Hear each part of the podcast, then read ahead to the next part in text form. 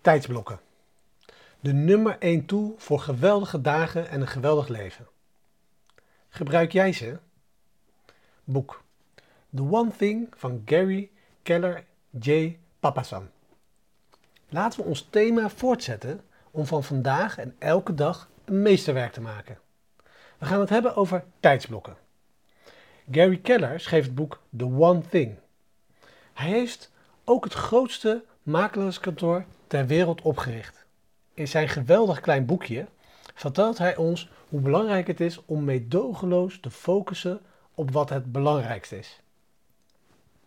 De belangrijkste activiteiten die echte resultaat opleveren.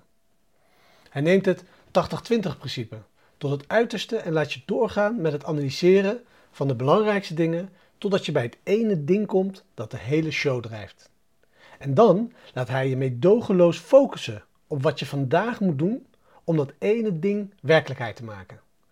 De volgende domino omwerpen in een keten van dominostenen die onvermijdelijk leiden tot het resultaat waar je op zoek naar bent. Gewoon uitzoeken wat jouw enige ding is op de lange termijn en vandaag vergt natuurlijk veel diep werk.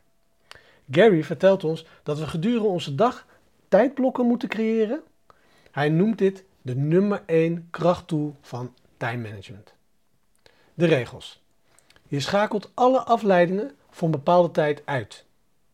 En je concentreert je op datgene waarvan je hebt besloten dat het belangrijk is. Daar maken we een gewoonte van. Elke dag gaan we dit herhalen. Voor mij is mijn nummer 1 belangrijkste tijdblok een meedogenloze consistentie in wat ik mijn ochtendroutine noem.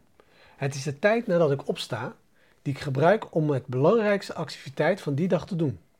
In mijn geval is dat sporten en mediteren.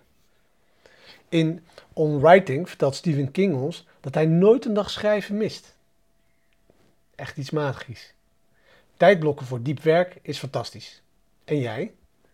Wanneer is je beste tijd voor jou om diep te gaan?